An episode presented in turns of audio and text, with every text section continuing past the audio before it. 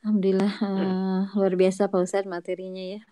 Walaupun tadi di awal kita diawali dengan sedikit perasaan teknis, Masya Allah. Alhamdulillah uh, isi dari kajian kita malam hari ini saya yakin sister semua sudah menyimpan banyak pertanyaan ya. Untuk itu saya persilahkan kepada sister yang akan menyampaikan pertanyaan bisa langsung dituliskan di kolom komentar atau dikirimkan kepada nomor yang sudah ada. uh, baik, untuk kesempatan pertama mungkin untuk pertanyaan dua penanya pertama saya persilahkan. Pak Ustadz keluar terlebih dahulu. Oke. Okay.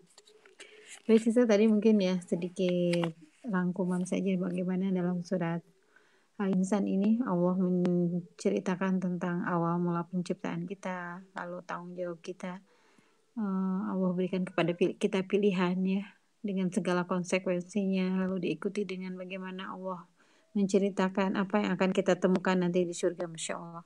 Assalamualaikum Pak Ustadz. Waalaikumsalam warahmatullahi Alhamdulillah. Baik Pak Ustadz sudah ada masuk ini pertanyaan? Ya, mungkin ini karena tadi kita ada masalah teknis di awal, ada yang kepotong dari awal, mungkin tidak mengikuti secara utuh belum menanyakan. Jadi mungkin mohon dijelaskan ulang oleh Pak Ustadz tentang hmm. perbedaan antara Quran surat Al-Insan dengan An-Nas. Oh iya. Itu Baik. mungkin terlebih dahulu. Silakan Pak Ustadz. Uh, Bismillahirrahmanirrahim. Kalau Al-Insan ini adalah manusia tapi single, satu ya. Kalau An-Nas itu manusia tapi bentuknya plural. Nah, itu dari segi penamaan dan temanya beda.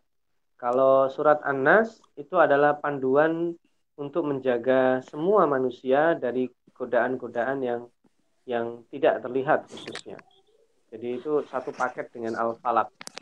Jadi itu lebih kepada defensif untuk memelihara kita dari godaan-godaan uh, yang buruk, ya, yang mengganggu kita, baik itu dari galangan minal jinnati wan nas, dari golongan manusia dan Nas itu berdoanya lengkap di situ dengan uh, semuanya. Qul a'udzu birabbin nas, malikin nas, ilahin nas. Nah, itu proteksi, lebih kepada memproteksi. Kalau al-insan ini berbicara potensi.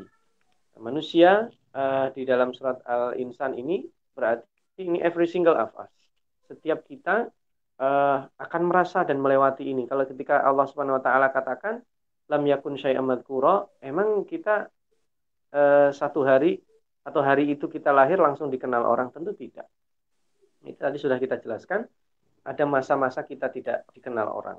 Dan nanti kalau kita maintenance-nya tidak bagus juga, ketika kita meninggal juga cepat tidak dikenal orang. Artinya kita masa tidak dikenal orang pernah terjadi dan akan tidak dikenal orang juga bisa jadi akan terjadi. Karena faktanya tidak semua orang dikenal, tidak semua orang didoakan orang setelahnya, kalaupun didoakan ada kurun waktu nanti namanya menjadi hilang di dalam lini masa sejarah. Dan yang kedua, karena ini ada sifatnya tentang syukur dan kufur, uh, syukur dan kufur itu ada jembatannya. Supaya manusia bisa mengarah kepada syukur, ya dia harus sabar menjalani kehidupan itu. Uh, sabar itu menjadi tangga untuk eh, orang-orang bersyukur. Itu tema yang membedakan antara surat An-Nas yang plural dengan Al-Insan yang uh, single atau setiap setiap manusia itu kalau membaca surat Al-Insan, oh ini gue banget gitu. Maksudnya ini saya perlu banget ini. Gitu. Termasuk panduan Allah, yufuna bin nadar. Oh ini saya sering janji tapi nggak nggak pernah saya penuhi. Nah, berarti saya harus mengikuti ini supaya apa? Supaya nanti dihargai oleh Allah, dihormati oleh Allah. Sekalipun saya dicaci maki orang, saya disalahpahami, tidak diapresiasi, tidak dihargai, tenang aja Nanti ada waktunya Allah menghargai kita. Kalau di dunia tidak ada yang menghargai kita, maka Allah sudah siapkan penghargaan yang luar biasa seperti yang tadi dijelaskan. Wallahu alam itu singkatnya. Ya. Baik, alhamdulillah. Yang bertanya ya itu tadi penjelasan Pak tentang perbedaan antara Quran surat An-Nas dengan Al-Insan. Oh, ini berikutnya masih tadi terkait dengan apa yang Ustadz sampaikan juga di penjelasan ini tentang sabar sebagai jembatan syukur ya Pak Ustadz. Uh, di Ya. ayat yang ke-12 di situ hmm, Allah kan berfirman dan dia memberi kebalasan kepada mereka karena kesabarannya berupa surga dan pakaian sutra. Nah, boleh Ustadz lebih jelaskan kesabaran seperti apa yang akhirnya itu Allah buah Allah berikan imbalan berupa surga itu Pak Ustadz? Apakah kesabaran selama kita hidup di dunia ini atau ada bentuk kesabaran yang lain? Itu pertanyaan beliau. Baik. Uh, tadi saya jelaskan bahwa kesabaran itu adalah uh, syarat minimal. Artinya, kesabaran itu ujian uh, untuk menghadapi ujian itu dengan sabar. Tetapi kalau orang menghadapi ujian dengan syukur, dia menikmati. Contoh sederhana begini. Saya membaca Al-Quran. Sabar, karena biasanya godaannya berat. Baru satu halaman, ngantuk, baru satu halaman, ada aja tapi kita tetap sabar. Nah, itu itu orang sabar. Tapi kalau orang itu sudah bersyukur diberikan Al-Qur'an, kayak begitu-begitu sudah lewat. Dia kecanduan. Dia menjadi luar biasa menikmati Al-Qur'an sehingga mohon maaf, kita itu kan ada gerakan satu hari satu juz. Itu kan untuk supaya kita sabar mentargetkan satu hari satu juz. Tapi kalau bagi orang-orang yang sudah mensyukuri Al-Quran, batasan itu mah nggak terlalu kecil. Maka dia satu hari mungkin ada yang lima jus, ada yang tujuh jus dan sebagainya, menikmati. Karena kecanduan. Orang kalau sudah kecanduan, orang sudah sangat menikmati, luar biasa. Bagi kita kenapa disuruh sholat sekalipun cuma dua rakaat, sabar itu sholat malam dua rakaat itu berat. Tapi kalau orang sudah menikmati, ya tentu dia tidak tidak hanya 10-15 menit sebelum subuh, satu jam dua jam sebelumnya dia bisa menikmati Nah, itu kan berproses. Kalau yang pertama tidak dilakukan, yang kedua tidak akan terjadi. Nah, maka kesabaran di sini artinya latihan menjalankan syariat Allah. Kalau tidak sabar ya nggak bisa. Nah, ibu-ibu atau uh, kaum muslimat yang ada di negara uh, minoritas muslim di sana, kalau tidak sabar susah. Nanti perilakunya ada intimidasinya, ada cemoohan, belum lagi anak-anaknya dan lain sebagainya. Kalau itu sabar, nanti lama-lama akan menikmati Nah, ketika sudah menikmati itu derajatnya luar biasa tadi itu. Kembali ke ayat 2 tadi itu, uh, imma syakiran wa imma kafura. Jadi mereka dibalasnya dengan apa? Jannatan waharira. Nah, ini juga menarik. Kenapa balasannya itu adalah taman-taman? Nah, ini kan pelengkap. Kalau kita mengikuti tadi kan sudah ada mata airnya. Mata air itu hmm. akan lebih indah kalau seandainya itu ada di tengah-tengah taman. Kemudian kenapa di hari hariro ini kalau untuk laki-laki dia kan tidak boleh pakai sutra. Untuk perempuan pakai sutra hitung-hitungan. Karena kalau sutra betulan mahal harganya. Nah, ya itu sesuai budget. Oke lah orang itu dia bisa saya sanggup beli sutra seberapa mahalnya. Tetapi kan yang seperti itu uh, hanya orang yang sudah orang-orang tertentu. Bagi kebanyakan orang ya buru-buru lah bulat apa kita beli sutra. Mendingan beli yang ada aja sisanya buat makan dan sebagainya. Tapi orang yang nahan-nahan itu nanti kalau di sana jenisnya sutra tadi udah luar biasa. Ada sundus. Sundus itu nanti juga warnanya hijau. Ada juga nanti disebut istabrok, tebal, halus, tidak panas. Karena kalau di dunia sutra eh, campuran, murni dan sebagainya. Itu kan kita kadang bangga ini sutra murni eh ternyata campuran akhirnya kita kecewa. Kalau di surga tidak. Maka Allah kasih kasihkan itu bukan hanya minuman taman, tapi dia juga pakaian. Karena pakaian itu juga kalau di dunia uh, dari pakaian itu konon ya katanya itu adalah uh, bisa menggambarkan strata sosial. Artinya apa? Orang itu dengan pakaian dia merasa ini saya nih gitu, strata sosial saya begini. Nanti kalau di surga orang-orang itu dia pakai sutra, apalagi sutranya yang terbaik, dia jalan itu orang akan lihat oh si fulan ya beruntung sekali ya pakaiannya kayak begitu. Itu pasti di dunianya adalah orang baik. Ya itu kepuasannya dia dipuji di situ sudah uh, lain. Kalau di dunia orang dipuji kan dikatakan sombong kalau di akhirat tidak. Oh dia minumannya bermacam-macam tamannya indah. Kan nanti kan orang saling berkunjung ketika berkunjung di dunia aja kalau ada orang berkunjung di rumah kita oh rumahnya bagus ya itu aja kita jadi bersyukur alhamdulillah gitu atau dua, kalau kau nggak bersyukur jadi sombong gitu. Iyalah, saya kerjanya siang malam, yang lainnya enggak. Kalau di akhirat tidak. Ketika dia dikasih sutra uh, dengan sutra yang bagus, kemudian taman-taman, maka itu karena orang tahu wajar aja dia kan dulu di dunia sabar dia dulu kan di dunia dianggap buruk tapi ternyata masya Allah dia adalah pahlawan yang sesungguhnya.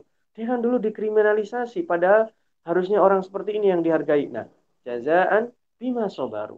Orang itu sabar di dunia nanti Allah subhanahu wa taala masykuro akan betul-betul dihargai diapresiasi di akhirat. Subhanallah ini luar biasa itu.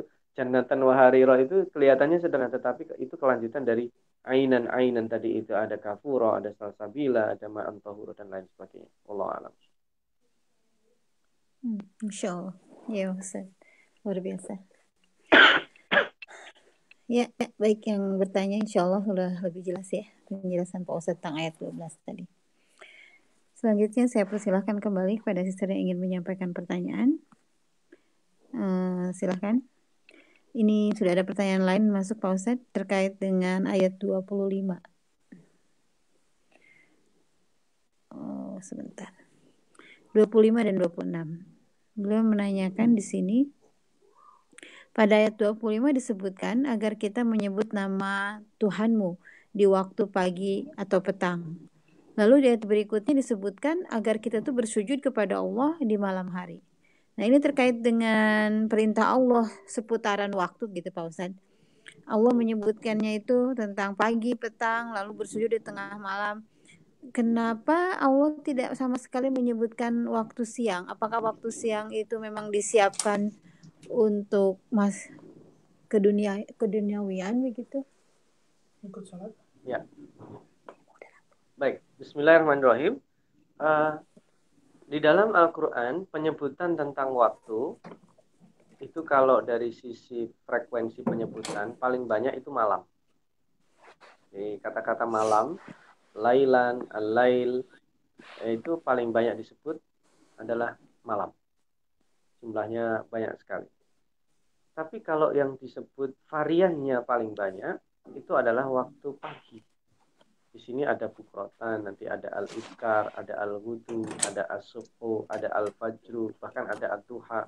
Itu adalah waktu-waktu produktif manusia. Nah, waktu-waktu pagi, waktu produktif manusia itu diawali dengan zikir, bahkan sholat duha.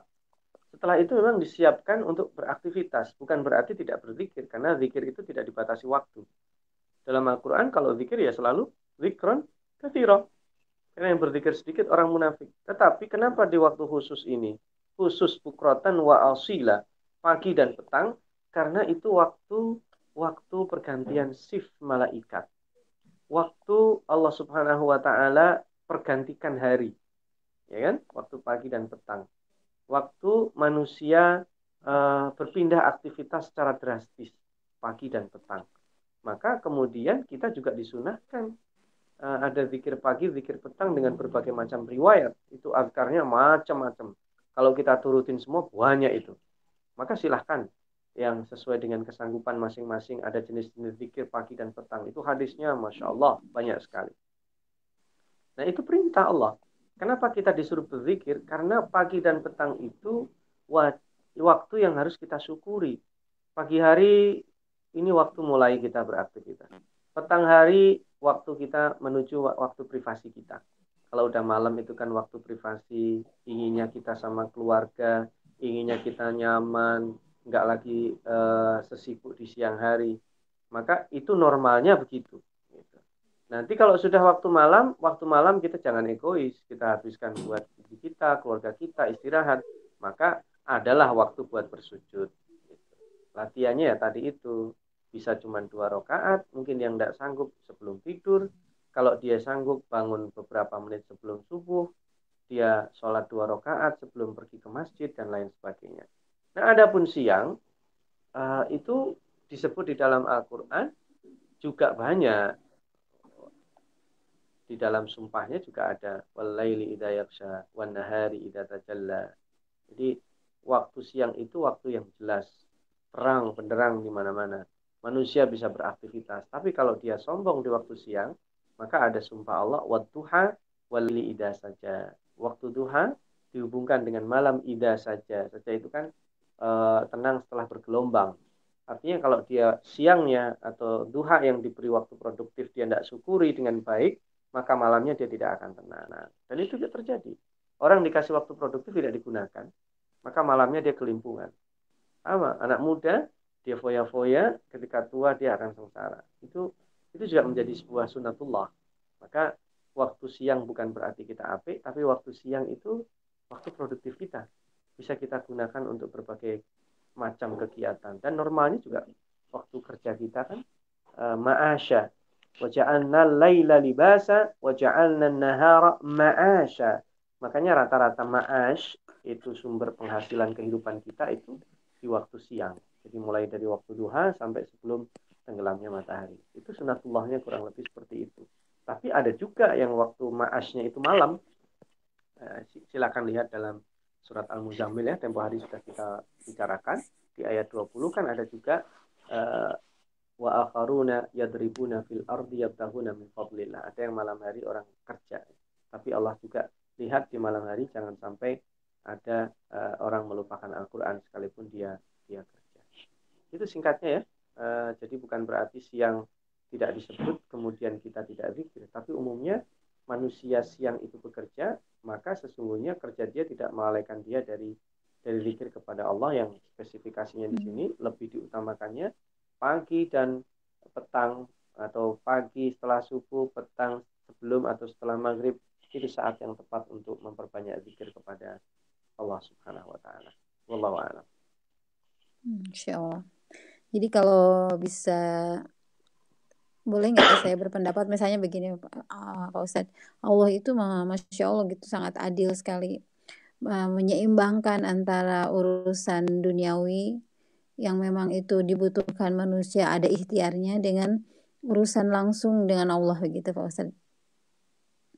Ya, memberikan juga. ruang Karena, gerak ya. memberikan ru ruang gerak kita untuk ikhtiar lebih di siang hari begitu. Iya. Bisa juga demikian. Karena siang hari itu mau disebut Allah Ma'asya Secara hmm. umum memang waktunya terang, tidak tidak terlalu banyak bantuan yang kita perlukan. Kalau hmm. di waktu malam kan ada effortnya lebih ya, gelap, hmm. harus ada cahaya dan macam-macam. Mungkin uh, lebih memungkinkan untuk mencari maash, mencari kehidupan, uh, uh, income kita, uh, nafkah infak kita untuk diberikan menghidupi kita dan keluarga kita itu lebih memungkinkan dilakukan di siang hari. Kurang lebih seperti itu. Nah ini pertanyaan dari saya Pak Ustadz. Bagaimana? Karena kalau di sini tuh umum ya Pak Ustadz biasa orang itu kerja sip-sipan gitu.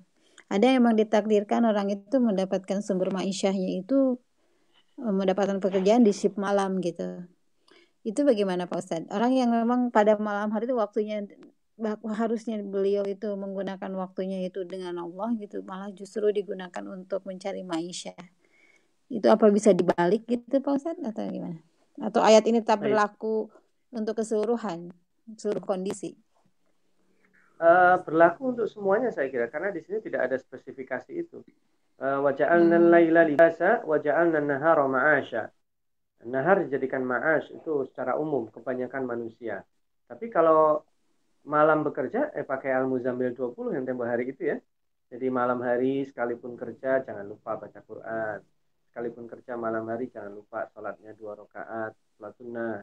Jangan lupa malam hari itu zikir juga. Sama saya kira uh, lalu siang harinya saya tidur bagaimana?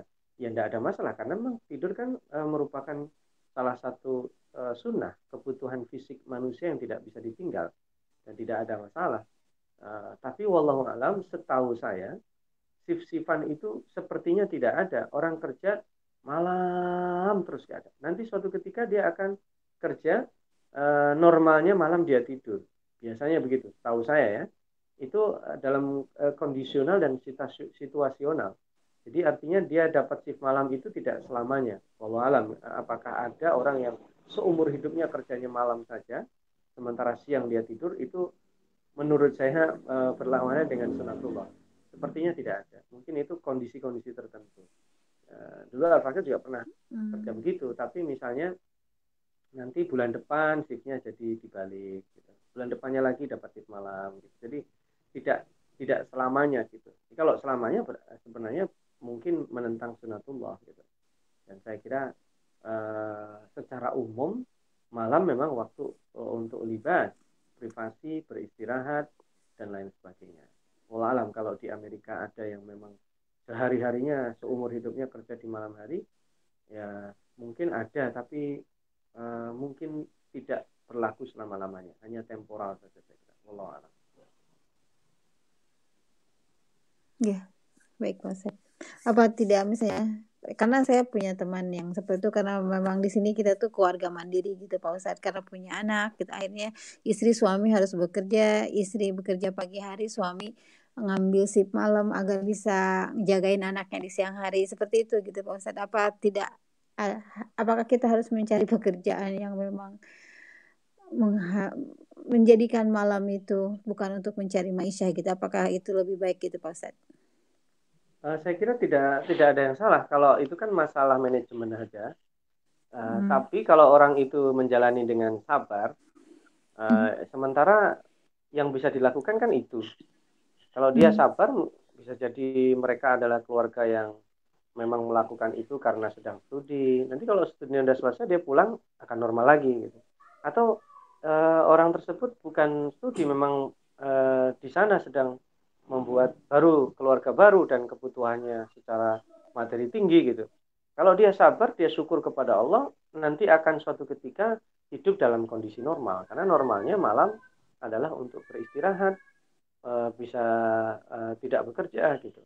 Jadi tetap saja e, kita harus yakin bahwa kondisi seperti itu, mohon maaf, bukan bukan bermaksud mendowngrade, belum ideal. Artinya kalau hmm. sekarang hmm uh, malam dia kerja ya sementara itu di bayangan dia itu sebagai kondisi uh, untuk tambahan income dan sebagainya karena kalau hanya mengandalkan kerja di siang hari misalnya tidak cukup mungkin biaya rumah biaya uh, pendidikan biaya kesehatan dan lain sebagainya tinggi sehingga harus ada kerja malam dan itu bukan hanya di satu tempat di Amerika di Eropa di berbagai tempat di Indonesia bahkan juga ada yang dia harus kerja tambah lagi paginya dia uh, kerja sebagai orang kantor pegawai negeri misalnya malam dia harus nambah dengan misalnya dengan ojek online misalnya uh, itu karena ada tuntutan kondisi gitu.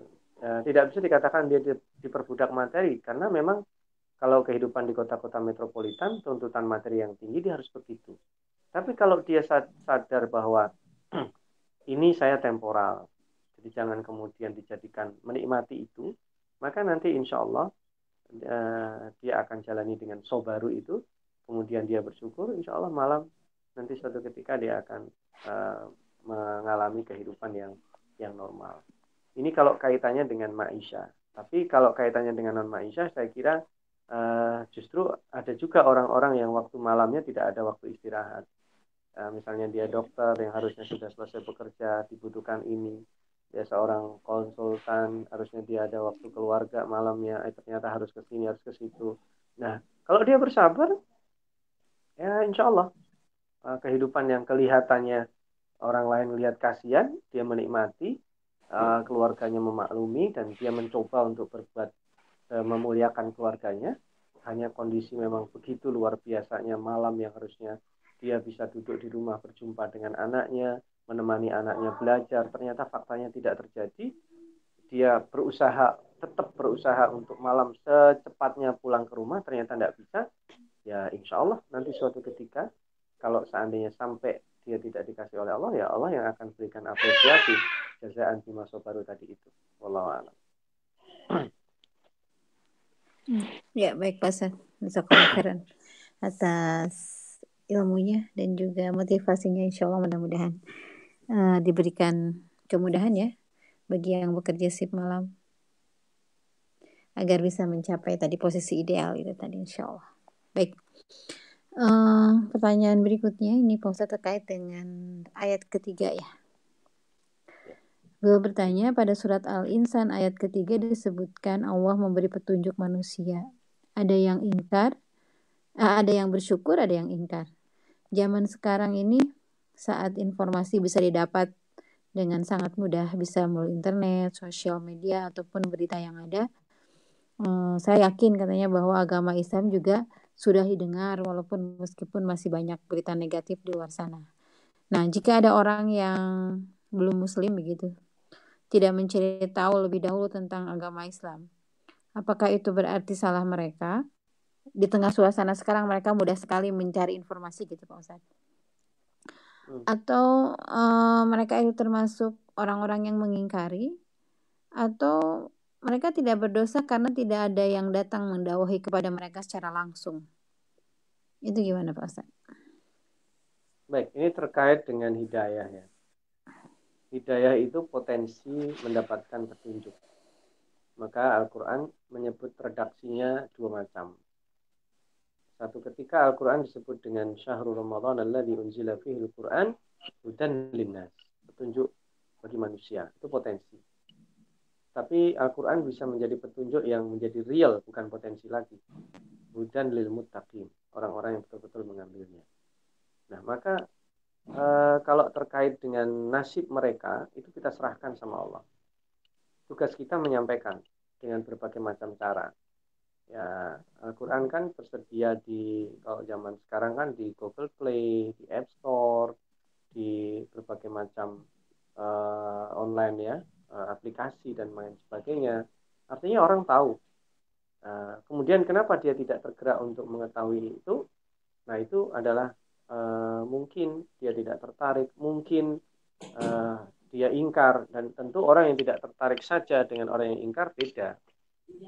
Nah ini, nah maka semua itu kenapa disebut kafuro? Ini bahasa lebih umum, uh, tertutup. Jadi orang-orang yang tidak syukur itu orang-orang yang tertutup nggak tahu betapa mahalnya uh, yang ada di depannya. Ya, kira-kira mohon maaf kita yang masih punya orang tua di usia uh, senjaknya kita ngerasa orang tua kok malah jadi beban buat kita padahal luar biasa itu nanti kalau dia sudah tidak ada kita baru tahu betapa uh, orang tua kita itu luar biasa kira-kira begitu jadi kita tidak bersyukur karena tidak tahu tidak tahu apa makna hidayah itu. Kalau kita tahu, kita akan cari mati-matian. Manusia kalau tahu apa yang akan terjadi di hari kiamat, ya tidak ada orang orang buruk. Nah, berarti dia kurang mencari tahu atau tidak bisa memvisualisasikan. Adapun orang-orang yang baik, tapi kenapa dia tidak Islam, tidak ini? Nah, itu kita serahkan sama Allah. Hmm. Nah, kita tidak berhak memfonisnya. Nah, tapi kan katanya kalau ada orang sebaik apa pun tapi dia tidak beriman, tidak mungkin masuk surga tetap saja karena kan kita tahu kurang baiknya apa itu Abu Abu eh, uh, Abu Talib. Nah, kurang baiknya apa? Nyawa taruhannya dirinya menjadi jaminan Rasulullah SAW tetapi karena uh, beliau termasuk orang yang ingkar tidak mau mengakui Allah sebagai Tuhannya dan itu tahu nah, titik lemahnya di situ. Jadi bagi kita tidak perlu memfonis kita mendakwahkan saja. Kalau ditanya gimana itu nanti nasibnya di akhirat, Allah alam. Etikanya kita serahkan saja sama Allah. Karena aliman hakiman. Allah maha tahu. Bisa jadi Allah ampuni. Bisa jadi ada transaksi antara dirinya dengan Allah tanpa kita ketahui. Dia beriman, sudah bersyahadat tanpa kita tahu. Uh, uh, orang itu meninggal dalam keadaan kafir. Tetapi ternyata faktanya tidak. Mungkin. Maka kita berhusnudan saja. Uh, sama orang lain tidak perlu kita klaim tidak perlu kita hukumi. Ya, kita dakwai aja, nanti setelah itu kembalikan semuanya kepada Allah. Karena ini potensi. Inna hadaina husabila. Nah, tinggal kita uh, imma syakiran wa imma kafura. Ini kenapa disebut al-insan supaya orang tidak nunjuk orang. Jadi ini ayat ini untuk kita sesungguhnya. Kita ini oh, mau bersyukur nah, atau orang atau enggak. Jangan Jadi ke orang lain. Kita dakwai aja. Ya, ya. Nanti setelah itu kembalikan itu saya kira ya. semuanya kepada Allah. Ya, baik Ustaz, Masya Allah. Hmm, ini ada pertanyaan yang senada bersambung ya. Coba saya rangkum dulu sebentar. Ini tuh terkait dengan masih ayat ketiga gitu Ustaz. Belum bertanyanya itu lebih kepada batas antara takdir dan ikhtiar. Ya. Yeah. Uh, beliau mengutip hadis sebentar saya bacakan ini uh, hadis yang itu Pak Ustadz tentang ini saya bacakan.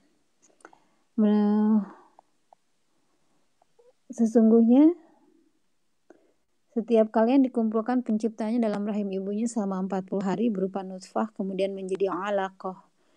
Selama itu juga lalu menjadi mudghah selama itu juga kemudian diutuslah malaikat untuk menyiapkan ruh kepadanya lalu diperintahkan untuk menuliskan empat hal itu rezeki, ajal, amal, dan celaka atau bahagianya. Maka demi Allah yang tiada ilah selainnya, ada seorang di antara kalian yang mengerjakan amalan ahli surga sehingga tidak ada lagi jarak antara dirinya dengan surga kecuali sehasta saja. Kemudian ia didahului oleh ketetapan Allah. Lalu ia melakukan perbuatan ahli neraka dan ia masuk neraka. Ada di antara kalian yang mengerjakan, mengerjakan amalan ahli neraka sehingga tidak ada lagi jarak antara dirinya dan neraka kecuali sehasta saja. Kemudian ia didahului oleh ketetapan Allah. Lalu ia melakukan perbuatan ahli surga dan ia masuk surga. Hadis riwayat Bukhari. Uh, nah ini yang tanya pertanyaan beliau adalah batas antara takdir dan ikhtiar.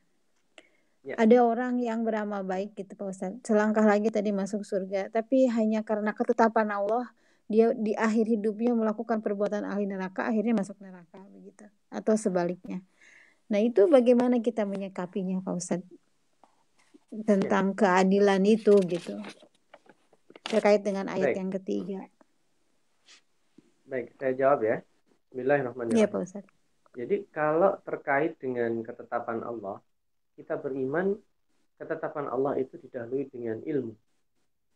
Ilmu yang kemudian didahului dengan keinginan Allah. Dan ilmu Allah itu tidak meleset. Jangankan Allah yang maha tahu, manusia saja yang tidak tahu banyak detil itu bisa menetapkan ketika ada klub A sama klub B tanding orang dengan prediksinya ah ini pasti uh, kayaknya yang menang si B ini. Prediksi itu seringnya benar. Karena uh, ilmu itu dengan uh, terbatasnya manusia bisa. Nah itu manusia aja bisa semi menentukan. Nah, bisa memperkirakan ini nanti hujan besok uh, gerimis besoknya lagi hujan badai. Itu dengan ilmu perangkat yang membantu manusia ada istilah perakiraan cuaca. Nah, maka ilmu Allah tahu ini orang nih model-modelnya nanti ujung-ujungnya masuk neraka. Maka Allah tetapkan dia penduduk neraka. Sekalipun awalnya sudah tinggal sejengkal lagi. Kenapa? Hmm. Karena mungkin ada yang salah di motivasinya, ada yang salah di persepsinya tentang kebaikan. Misalnya. Makanya tidak boleh kita kita itu bosan berbuat baik atau kita merasa kayaknya udah limit aman nih saya insya Allah masuk surga ini nah, ini orang-orang yang model-model kayak begini ini orang berpotensi tadi itu ditakdirkan menjadi penduduk neraka. Di akhir hidupnya dia malah ingkar, murtad dan lain sebagainya. Ya, jadi hilang habitat a'maluhum. Sebaliknya kita melihat terlalu buruk pada si fulan. Hidupnya itu kayaknya ah dan ini neraka dah ini tapi kita nggak tahu ternyata orang ini punya potensi yang kalau disentuh itu kemudian dia berbalik. Kayak tadi gambaran tentang uh, suku pedalaman yang kemudian dia beriman ternyata orang umumnya suka dunia dia nah tidak suka karena dia mencari sesuatu pembunuh 100 orang yang dia tidak punya kebaikan belum sempat melakukan uh, kebaikan merealisasikan tobatnya tapi akhirnya masuk uh, diambil malaikat rahmat hanya karena berbeda tingkah saja jaraknya dari yang akan dia tuju itu kan menggambarkan bahwa kita tidak boleh sombong. Kita tidak boleh klaim. Karena Allah maha adil, tapi maha bijaksana. Begini, keadilan Allah itu untuk orang-orang yang buruk sesungguhnya. Kalau untuk orang yang baik itu bukan adil, itu hikmah. Makanya ada selalu Ali Azizan Hakimah. Kenapa? Keburukan itu tidak akan dibalas kecuali dengan keburukan yang setara.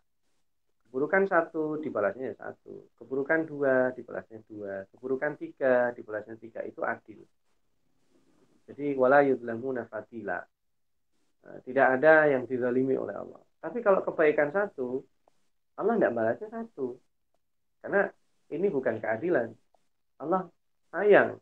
Kalau ada kebaikan satu, balasnya Allah sepuluh. Bisa lebih. Itulah luar biasanya. Allah itu aliman, hakimah, azizan, hakimah, maha hikmah, Allah maha rahmah. Karena Allah tahu kalau seandainya kita satu eh, balasannya satu, mungkin sulit kita masuk surga kali ya. Karena kesalahan kita terlalu banyak. Satu, tulisnya satu. Kebaikan satu, tulisnya satu. Dominan kita sering melakukan kesalahan sekalipun kecil, akhirnya kita bisa timbangan amalnya buruk. Makanya sesungguhnya kalau nanti suatu ketika timbangan amal baik dan buruk seseorang itu sama, maka ketahuilah sesungguhnya aslinya timbangan buruknya lebih besar. Karena kan satu ditulisnya satu. Sementara kebaikan satu ditulisnya eh, sepuluh. Nah kalau misalnya dia melakukan lima kebaikan, ditulisnya udah lima puluh. Kalau di sininya lima puluh berarti sudah lima puluh keburukan. Artinya aslinya dia bukan seimbang, aslinya lebih buruk. Gitu. Maka manusia ketika timbangan amalnya lebih baik, sedikit bisa jadi keburukannya banyak maka itu disebut dengan uh, tadi aliman hakima azizan hakim Allah maha sayang maha bijak maka ini karena surat al-insan maka lebih baik ini melihatnya pendekatannya introspektif ke diri kita. Karena uh, setiap orang itu uh, berpotensi menjadi orang kufur dan orang yang bersyukur. Jadi saya kira lebih bagus kita menghindari orang itu nanti kalau begini saya yang masuk neraka. Kalau begini nggak adil dong. Penuh dengan keburukan akhirnya tobat kemudian masuk surga. Tidak adil orang yang sudah berbuat baik sepanjang hidupnya. Nah, itu kita serahkan sama Allah karena Allah menakdirkan seseorang atau satu kondisi disertai dengan ilmu Allah yang pasti detil sedangkan manusia ilmunya e, tidak banyak kemudian dia tidak dikatakan memutuskan hanya memperkirakan saja itu pun sering benar padahal ilmunya terbatas apalagi Allah yang punya ilmu uh, limit hmm. tidak ada batasnya. Walau alam. Ya, baik Pak Ustaz. Ini beliau ada pertanyaan susulan Pak Ustaz dari ungkap dari pembahasan Pak Ustaz sampaikan bahwa kalau begitu bagaimana sikap kita gitu Pak Ustaz? Karena kita kan tidak tahu akhir kehidupan kita. Walaupun kita ternyata beramal baik, kita tidak tahu mungkin akhir kehidupan kita tidak seperti apa yang kita harapkan saat ini. Bagaimana Pak Ustaz? Terus terang saya jadi bingung katanya. Ya. Insya Allah. Caranya sederhana. Satu kita husnudon. Husnudon itu kan motivasi. Kita husnudon ya Allah. Uh, hamba yakin engkau zat yang maha bijaksana akan mewafatkan hamba dalam keadaan muslim. Maka wafatkan aku dalam keadaan muslim. Husnudon berdoa menjaga uh, bisa mungkin. Karena masa depan kita gaib. Dan itu yang akan menjadikan kita jadi nggak sombong. Beda kalau seandainya kita merasa sudah jadi orang baik, sombong kita. Nah, saya hmm, yeah. kalau di kampung ini kayaknya lewat itu semua semua. Sholat malam tiap hari, hafal Quran, uh, sudah sering mengajar mengajak kebaikan. Kayaknya udah sisa-sisa kebaikan saya. Nah, kalau itu yang dominan, ya ini orang-orang yang seperti ini berpotensi menjadi hmm. penduduk neraka karena merasa cukup dengan kebaikannya. Nah, dia meremehkan ada keburukan yang dia tidak tahu. Padahal keburukannya ditutup sama Allah. Aibnya ditutup. Sebaliknya ini supaya Allah memberi ruang-ruang bagi orang-orang yang berbuat buruk untuk bertaubat. Ada orang ya Allah apakah engkau memaafkan aku? Aku ini sudah melakukan semua jenis kejahatan. Membunuh ya berzina minum khamr menipu berbuat keburukan sudah aku lakukan semua ya Allah. Apakah ada peluang? Pasti dijawab oleh Allah. Ada Lau hmm. balag minadz dzunubi e, kalau seandainya dosamu itu mencapai langit dan luasnya seluas lautan, maka kau datangku dan tidak syirik kepadaku, engkau minta ampun, ghafartulaka wala ubali. Aku pasti ampuni dan aku tidak peduli. Itu orang yang hmm. dosanya sundul langit istilahnya bahasa Jawanya itu. Menyentuh langit luasnya seluas lautan yang ada di bumi, kalau orang itu tidak syirik kepada Allah dan dia uh, datang betul-betul dalam keadaan ingin diampuni, insya Allah Allah ampuni. Dan itu sudah terbukti dalam hadis-hadis cerita tentang itu. Maka sesungguhnya bagi kita yang dalam tanda kutip selama ini merasa bergaul dalam lingkungan yang baik, tidak boleh sombong. Kemudian kita melihat orang yang bergelimang dosa, tidak boleh kita merendahkan dia. Nah, selalu ada potensi kebaikan dalam setiap orang. Karena Allah itu mengatakan fitrat Allah fataran nasa 'alaiha. Ada fitrah manusia yang Allah berikan dan fitrah itu kita tidak tahu suatu ketika akan kembali dan kemudian orang tersebut akan dimuliakan oleh Allah. Jadi ini surat Al-Insan itu untuk diri kita. Surat hmm. Al-Insan bukan untuk orang lain. Pendekatannya sangat introspektif. Saya ini kalau dihitung-hitung dengan surat Al-Insan ini masuk ya yang uh, syakiron atau masuk yang kafuro dan ini beda loh itu kalau dari struktur bahasa tadi karena keterbatasan waktu, fakir tidak bahas. Syakiran itu hmm. bentuknya biasa. Kafuro bentuknya superlatif. Nah, harusnya kan kalau sama imma syakiran wa imma kafiro gitu. Atau kalau disamakan superlatif dua-duanya imma syakuran wa imma kafuro. Nah, itu kajian bahasanya juga beda. Manusia itu dibutuhkan Allah bersyukur dikit aja. Karena orang yang sangat banyak syukurnya itu jarang. Makanya kita dikasih banyak gitu cuman kita cuman bilang terima kasih Pak ya. Itu udah cukup. Padahal sebenarnya harusnya terima kasih Pak ya baik ini gitu. Itu syakuran, sangat-sangat bersyukur. Jadi kita sama Allah itu cuma dibutuhkan sedikit bersyukur saja. Tapi faktanya nanti manusia kufur nggak ada yang sedikit, keterlaluan selalu. Nah itu kalau dari sisi bahasa, analisis bahasa saja udah beda. Syakiran hmm. dengan kafuro itu e, tidak sama. Syakiran bentuk biasa, kafuro superlatif. Harusnya kan kalau senada imma syakiran wa imma kafiro. Atau kalau dua-duanya superlatif, imma syakuran wa imma kafuro. Ini karena memang yang bukan dibutuhkan Allah bahasanya mungkin saya salah. Yang yang perlu kita tunjukkan kepada Allah itu rasa syukur yang sedikit aja udah cukup karena faktanya kita tidak mampu. Ya Allah terima kasih tadi pagi saya bangun keadaannya sehat. Ya, kita mengatakan diberikan mata, bisa melihat, telinga bisa mendengar, bisa berjalan, kondisi keluarga kita, kemudian bisa sarapan, bisa sehat. Itu kan kalau disebutin semua tidak mungkin kita bisa. Cukup kita bersyukur sedikit itu Allah udah masya Allah bahagia sekali melihat hambanya yang bersyukur. Kira-kira begitu. Allah Ya, Insya Allah. Alhamdulillah. Baik, Ustaz. Masih ada waktu 10 menit lagi. Ini ada masih banyak pertanyaan uh, yang harus saya bacakan nih. Jazakallah khairan sister ya yang antusias memberikan pertanyaan.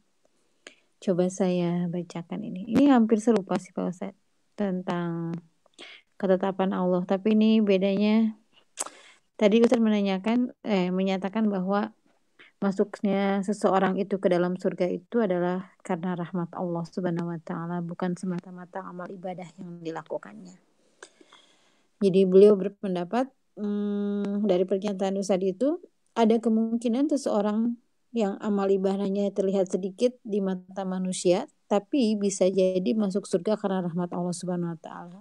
Atau sebaliknya, seseorang yang amal ibadahnya terlihat banyak tapi karena tidak memperoleh rahmat dari Allah, maka tidak masuk surga. Ini sama pertanyaan yang tadi Ustaz. Apakah ya, ya ini juga uh, bagaimana kita menjelaskannya dengan penjelasan yang mudah diterima terutama dari sisi kemahadilan Allah tadi. Mohon maaf saya tidak bermaksud menyaksikan sifat Allah yang maha adil. Itu ya. Pak Ustaz. Baik, uh, saya berikan analog begini. Uh, sebuah bos di perusahaan ingin merekrut karyawan. Datang uh, dua calon staf yang melamar. Yang satu CV-nya mentereng luar biasa, prestasinya luar biasa. Tapi kemudian ada satu hal yang membuat uh, si bos ini menjadi nggak suka. Ya. Kemudian sementara yang satu lagi ini uh, standar, artinya nggak terlalu menonjol lah biasa lah, bahkan mungkin kurang. Tapi ada satu sifat yang membuat uh, si bos ini menjadi suka. Akhirnya dia menentukan pilihan ke yang mana, yang CV-nya mentereng dengan luar biasa pengalamannya atau dengan satu orang yang dia suka itu. Bisa jadi dia akan milih yang itu. Karena itu yang dia cari dari staffnya. Karena pada umumnya manusia kalau dia belajar dia bisa. Ini saja, analog ini saja sering kita jumpai. Nah Allah subhanahu wa ta'ala saya kira lebih dari itu. Karena yang Allah butuhkan, bahkan Allah tidak butuh apa-apa. Penilaian Allah itu cukup membuktikan bahwa kita itu menyembah Allah memurnikan. Nah itu kadang kan kita sholatnya banyak, tapi banyaknya aja, esensinya nggak dapat. Sedekah banyak, esensinya nggak ada. Puasa banyak, cuman lapar saja dan haus.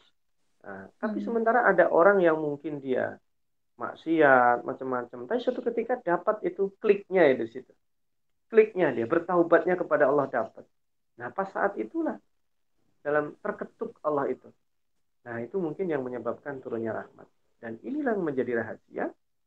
Allah Subhanahu wa taala memberikan stat yang justru fair menurut saya. Seseorang yang uh, dalam sebuah fastabikul khairat itu kan nggak mungkin orang ketika depan yang belakang ya saya pasti kalah, dia pasti berusaha.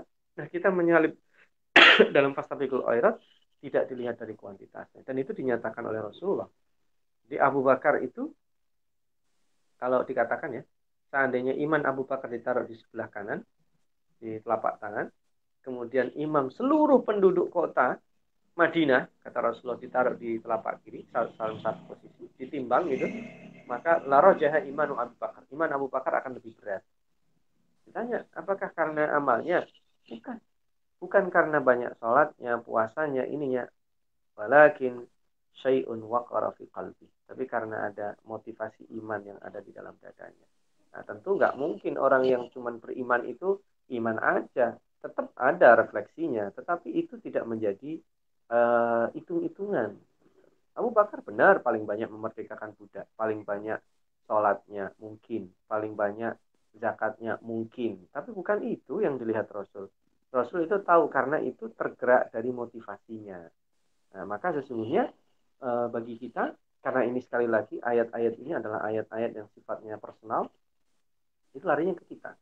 Yang harus kita hmm. cemaskan hmm. adalah diri kita, ya ini bersyukur atau kufur gitu saya besok ini eh, jangan-jangan uh, kalau saya sombong nanti malah jadi buruk. Jangan-jangan aib-aib saya nanti dibuka oleh Allah. Nah itu justru akan membuat manusia makin berhati-hati. Dan kita kalau sudah husnuton, sudah berusaha, ya sisanya kita tawakalkan. Karena ini justru masa depan yang digaibkan itu membuat manusia makin tergantung dengan Allah. Nah kalau semuanya semuanya udah dijelaskan, manusia makan makin hilang ketergantungan dengan Allah. Jadi kan kalau dibuat serba gaib begini, manusia akan terus mendekat dengan Allah. Takut dia. Ya Allah, saya takut nanti kalau engkau murkai. Ya, karena nggak ada jaminan dengan baiknya sholat saya, dengan puasa saya yang banyak. Tidak, ternyata tidak ada jaminan kalau tidak, tidak murkanya terus merapat. Sementara yang yang maksiat tadi gitu juga.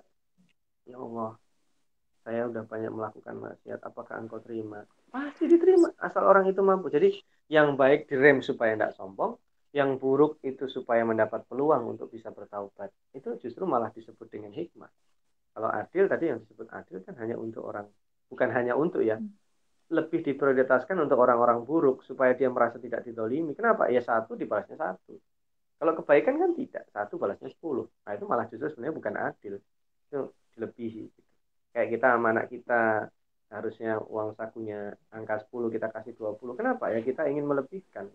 Kalau adil ya janji kita 10 kita kasih 10.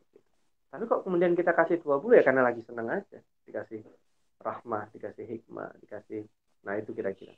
Wallah Ya, Masya Allah. Ya, itu ilmu baru buat saya, Ustaz. Masya Allah. Baik, Ustaz sekalian. Uh, tinggal tersisa tiga menit. Ini ada tiga pertanyaan lagi belum saya bacakan. Kira-kira kalau satu pertanyaan masih bisa nggak Pak Ustaz? Ya, silakan. Oh, ini terkait dengan ayat 17 ini cepat aja tentang zanzabila tadi Pak Ustaz. Di ayat tersebut kan disebutkan zanzabila atau jahe ya adalah minuman yang akan diperoleh oleh para ahli surga. Uh, kenapa Pak Ustaz? Apakah ada pemilihan spesifik itu Allah menyebutkan zanzabila ini? Apakah terkait juga dengan khasiat zanzabila di dunia saat ini atau apakah sama zanzabila yang kita sekarang konsumsi dengan zanzabila yang insya Allah nanti kita akan konsumsi juga. Amin. Ya. Bismillahirrahmanirrahim. Tentu beda. Yang pertama kita yakini itu tidak sama. Yang kedua, kenapa jahe yang disebut? Karena uh, di antara minuman yang kita sukai ya uh, minuman jahe, apalagi kalau dalam kondisi kurang sehat atau dalam kondisi dingin. Itu jahe kan macamnya banyak, macam-macam ya mungkin jahe itu kalau di Korea bahasanya ginseng gitu. Jadi hmm. zanjabila itu tidak murni jahe yang kita kenal di Indonesia. mungkin di negara lain bentuknya adalah seperti itu kira-kira. Ini saya kalau bicara sama orang Korea, saya nerjemahinnya ya ginseng gitu. Minuman yang mereka sukai gitu. Uh, hmm. penjaga stamina, kemudian untuk kesehatan, kemudian dinikmati, hangat di tenggorokan enak gitu. Jadi nanti ini lebih kepada itu saja variasi. Kalau tadi mata airnya disebut eh, kafuro, ini disebut sabila, bedanya apa? Kalau tadi itu minumannya yang menyegarkan enak gitu di tenggorokan kalau ini di tenggorokan terasa hangat ada campuran uh, jahenya gitu jadi itu sebagai variasi aja nanti kalau kita baca ayat lain juga ada disediakan uh, sungai dari buah-buahan dari jus dari uh, susu dari anggur dan sebagainya itu gambaran lain lagi jadi luar biasa ternyata janji Allah Subhanahu wa taala pada penduduk surga itu macam-macam. Nah, ini diharapkan kita termotivasi gitu. Nah, apakah boleh saya termotivasi dengan ini kemudian saya rutin meminum jahe? Ya boleh aja. Uh, dengan harapan supaya nanti saya mendapatkan salsabila yang dengan rasa jahe, oh bisa aja itu bagian dari husnudzon. Boleh saja silahkan disesuaikan. Gitu. Hmm. Ya ada larangan tentunya yeah. karena memang faktanya eh, rata-rata uh, orang menyukai jahe dibuat untuk campuran uh, ketika membuat uh, apa namanya bubur kacang hijau, dibuat campuran untuk minuman hangat, dibuat campuran untuk apa, untuk masakan ini, masakan itu. Nah, silahkan aja tidak ada larangan itu. Apalagi kalau kemudian motivasi ini supaya saya ingat kalau saya ingin dapat saya terus stoknya nggak habis, saya harus masuk surga itu malah bagus. Jadi artinya dia motivasinya motivasi yang mengaitkan supaya ingat dengan Al-Sabila tadi. Wallahu a'lam. Ya, baik. Alhamdulillah. Baik, kisah sekalian, uh, mohon maaf ya, karena tadi di awal ada masalah teknis, jadi memang berkurang waktu kita, tapi kita tidak mau mengambil waktu lebih dari Ustadz, insya Allah, karena bukan kesalahan Ustadz, terlambat begitu. Insya Allah pertanyaan-pertanyaan yang belum tersampaikan malam hari ini, coba akan kita bacakan di pertemuan yang akan datang. Sebagai reminder aja bahwa kita hanya akan tersisa satu pertemuan di pekan yang akan datang, yaitu tafsir Quran surat Al-Mursalat. Jadi jangan terlewatkan insya Allah. Baik Pak Ustadz, uh, sebelum ditutup mungkin ada statement dari closing statement dari Pak Ustadz, saya persilahkan. Nanti langsung ditutup dengan doa Pak Ustadz. Baik, Bismillahirrahmanirrahim sebagai closing statement saja bahwa surat Al-Insan very personal. Kita baca surat ini jangan bayangkan orang lain. Bayangkan diri kita di sini jadi yang mana ini? Jadi yang syakiran atau kafura. Kalau saya ingin menjadi syakuran bisa nggak? Bisa.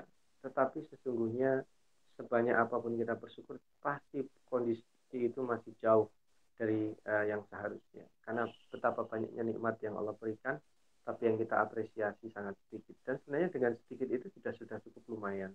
Maka kita jadilah orang-orang yang bersyukur. Kalau ternyata sulit, maka kita jadi orang bersabar. Bersabar sifatnya bukan defensif. Ketika dapat hal-hal yang tidak enak, bersabar menjalankan syariat Allah. Kalau Al-Fakir contohkan tadi, saya harus bersabar satu hari satu juz ya. Mudah-mudahan ini sebagai uh, bentuk awal. Kalau lama-lama kita mendapatkan kenikmatan, kita bisa kecanduan membaca Al-Quran bahasanya, mohon maaf kalau tidak tepat, kita mungkin batasan satu juz itu terlalu sedikit. Ini tingkatan sabar dan kemudian syukur. Yang kedua, menjaga kestabilan untuk menuju ke sana itu dengan cara tadi itu Al-Quran, berzikir yang banyak, sholat malam itu akan uh, relatif uh, menjaga sifat-sifat manusia akan uh, supaya bisa mengarah kepada pribadi yang bersyukur yang kalau tidak bisa dia mentoknya masih bisa bersabar.